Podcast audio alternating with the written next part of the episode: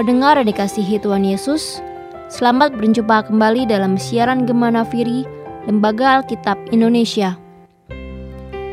Firman Tuhan yang akan kita baca dan renungkan bersama diambil dari Injil Matius pasal 20 ayat 1 sampai 16. Demikian firman Tuhan.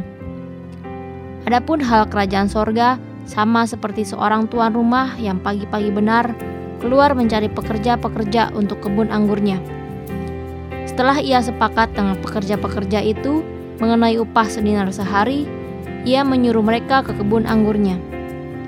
Kira-kira pukul 9 pagi ia keluar pula dan dilihatnya ada lagi orang-orang lain menganggur di pasar. Katanya kepada mereka, Pergi jugalah kamu ke kebun anggurku dan apa yang pantas akan kuberikan kepadamu. Dan mereka pun pergi. Kira-kira pukul 12 dan pukul 3 petang, ia keluar pula dan melakukan sama seperti tadi. Kira-kira pukul 5 petang ia keluar lagi dan mendapati orang-orang lain pula. Lalu katanya kepada mereka, "Mengapa kamu menganggur saja di sini sepanjang hari?" Kata mereka kepadanya, "Karena tidak ada orang mengupah kami." Katanya kepada mereka, "Pergi jugalah kamu ke kebun anggurku." Ketika hari malam, Tuhan itu berkata kepada mandurnya, Panggillah pekerja-pekerja itu dan bayarkan upah mereka, mulai dengan mereka yang masuk terakhir hingga mereka yang masuk terdahulu. Maka datanglah mereka yang mulai bekerja kira-kira pukul 5 dan mereka menerima masing-masing satu dinar.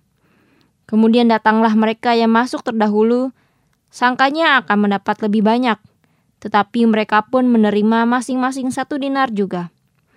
Ketika mereka menerimanya, mereka bersungut-sungut kepada tuan itu.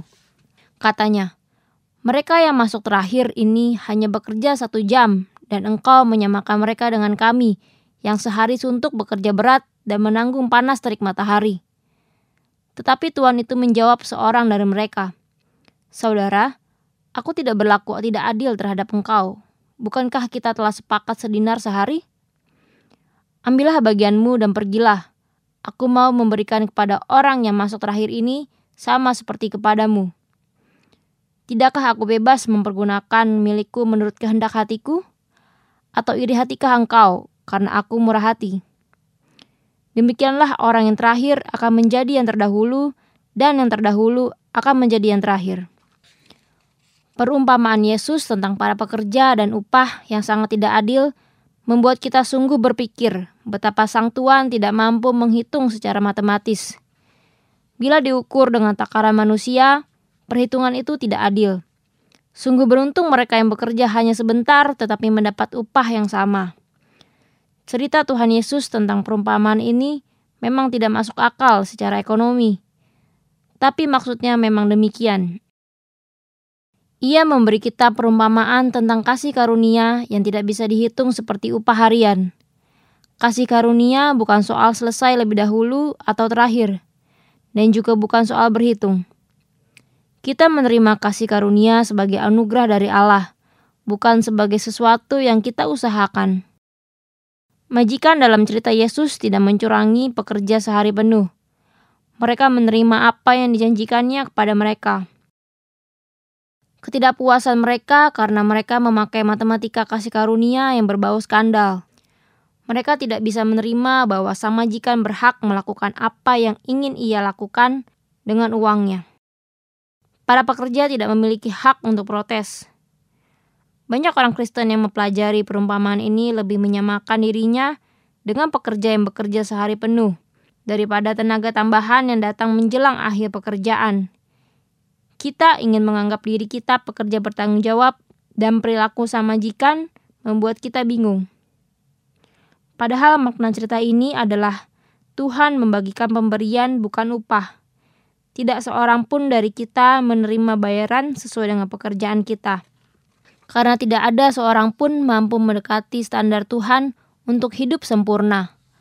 Kalau upah diberikan berdasarkan keadilan, maka kita semua berakhir di neraka. Murid Yesus, Yudas dan Petrus tampil sebagai murid-murid yang paling matematis. Yudas pasti menunjukkan kemampuan khusus dalam angka dan hitungan. Apabila tidak mampu, tentu ia tidak akan dipilih sebagai bendahara. Sedangkan Petrus adalah pemerhati detil dengan selalu berusaha mencari makna pasti dari ucapan Yesus. Hal itu sesuai dengan karakter Petrus, yakni cermat mencari semacam formula matematika untuk kasih karunia. Hal itu nyata tertuang dalam uraian mengenai hal mengampuni, yang kemudian dijelaskan Yesus dengan perumpamaan tentang pelayan yang berhutang dan diampuni raja. Namun si pelayan tidak mau mengampuni temannya yang berhutang kepadanya. Hal itu membuat raja marah karena pelayan yang serakah itu tidak tahu berterima kasih. Perumpamaan ini mengungkapkan bahwa raja itu adalah Tuhan.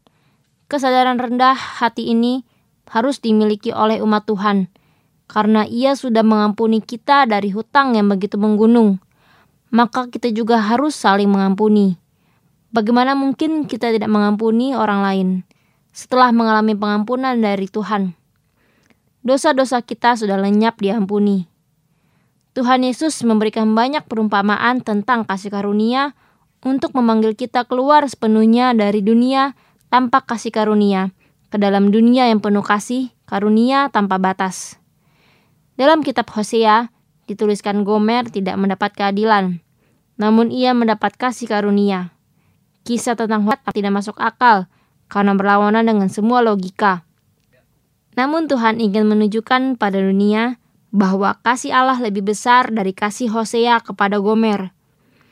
Yesus menanggung dosa, hukuman, dan rasa malu yang sebenarnya tertuju pada semua manusia. Kita telah beroleh kasih karunia pengampunan. Untuk itu, marilah kita lakukan dalam kehidupan hari lepas hari. Mungkin Anda dan saya hanya orang biasa yang dari segi pendidikan jabatan, atau karir yang semuanya tidak terlalu hebat. Namun, kita tetap dapat berperan sebagai pembawa berkat bagi orang lain. Kasih karunia Tuhan tampil dalam begitu banyak bentuk, hingga kadang kita sulit memahaminya. Kasih karunia dapat berarti tidak ada yang dapat kita lakukan untuk membuat Allah lebih mengasihi kita.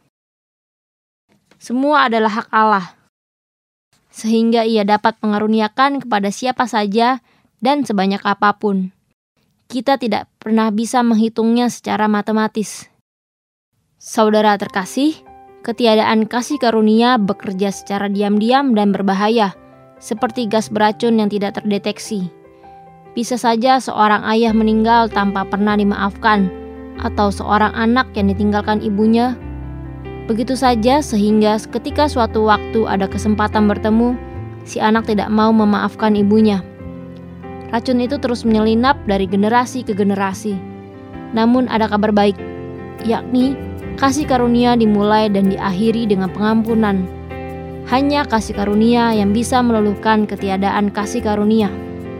Ketika Yusuf akhirnya berhasil mengampuni saudara-saudaranya, rasa sakitnya tidak lenyap tetapi beban yang menjadi hakim mereka terangkat.